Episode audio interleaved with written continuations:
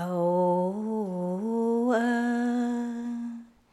dầu cầu giang đóng đinh, cầu tre lắc lẻo, gập ghềnh khó đi.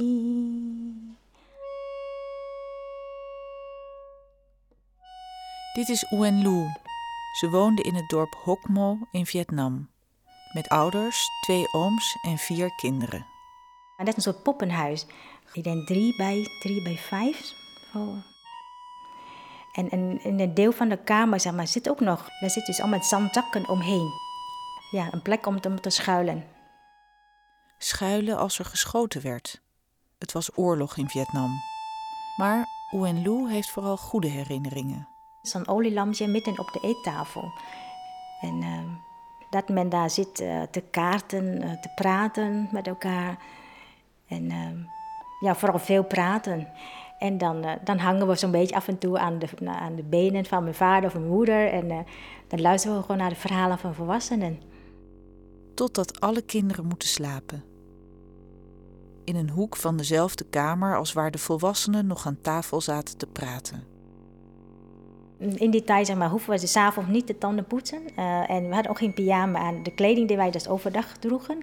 Dus zo gingen we ook slapen daarin. Gewoon één soort kleding. En dan, uh, of je sliep dan op een, op een hele grote mat. En dan slaapt iedereen daarop, zeg maar. Baby's liggen in een hangmat. En mijn moeder duwt dus de, de hangmat voor mijn broertje of zusje. En dan, en dan krijg je een soort wiegbewegingen, net zoals een, een wieg. En bij, soms, bij, het, bij die beweging, zeg maar, dan, uh, nou, dan zingt de, de moeder dan uh, die slaapliedjes. De moeder van Ouen Lu zingt iedere avond een slaapliedje. Een tanige vrouw met lang zwart haar. Ze heeft lang haar, tot, uh, voorbij haar, tot aan de voeten zowat. Mager, maar ze zag wel heel, um, heel sterk uit, altijd, ook altijd vrolijk.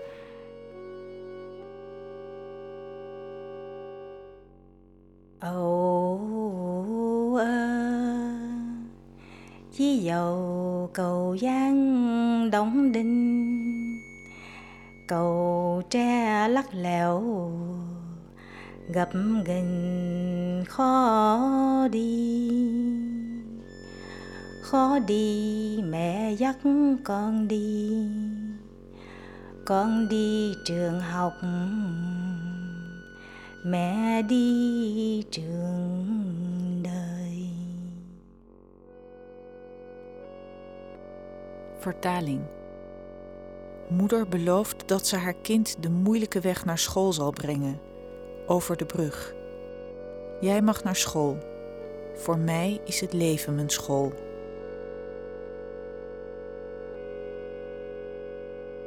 Waar komen nu jouw tranen vandaan?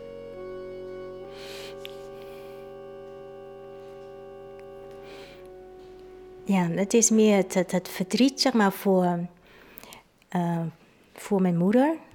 Um, dat zijn al haar kansen om, uh, um, om iets van het leven te maken, zeg maar, wat gemist heeft.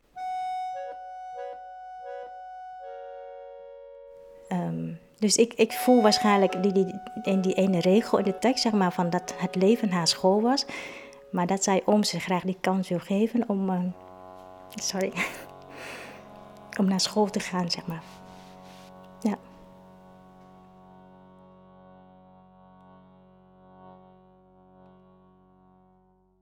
Nog een couplet?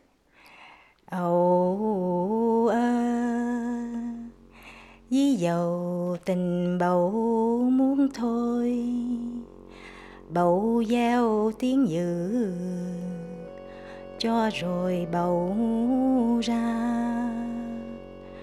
bầu ra cho khỏi tay ta cái xương bầu nát cái da bầu không còn De melodie blijft even lieflijk, maar in het tweede couplet is de tekst dat niet. Ik laat er niks van jou over. Je botten werden verpulverd en er blijft niets van je huid over. Het lied is een waarschuwing van de moeder aan haar echtgenoot, mocht hij het ooit in zijn hoofd halen haar te verlaten. En dat vond ik wel heel grappige tekst, want het klinkt heel stoer. En voor, ha, meestal vinden de meeste vrouwen zijn heel bedeesd en heel, uh, ja, heel keurig. Uh, en ineens komt zo'n tekst van nou helemaal gewelddadig. En, dus in feite zijn die liedjes helemaal niet zo vrolijk. Tenminste, niet, niet altijd vrolijk om voor de kinderen uh, aan te horen. Als ik hier hoor van nou, slaap kindje, slaap of zo, dan denk ik maar nou wat heerlijk liedje. Is zo spontaan en zo niks zeggend eigenlijk. En bij ons er zit zoveel erin versleuteld dat je gewoon nu helemaal treurig van wordt zeg maar, als je het hoort. Maar toen ik um, wegging, zeg maar, was ik 16. En voor die tijd had ik echt zoiets van, nou, ik kan de hele wereld wel aan. En uh, ik voelde mezelf heel stoer. Ja, tot ik hier zeg maar, in Nederland alleen en, uh, en alles zelf moest, uh, ja, moest doen en moest oplossen.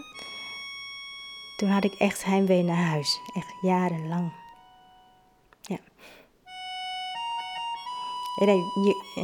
Ik hoor natuurlijk veel uh, andere Vietnamese liedjes, ook popliedjes. Daar zit ook bepaalde herinnering aan.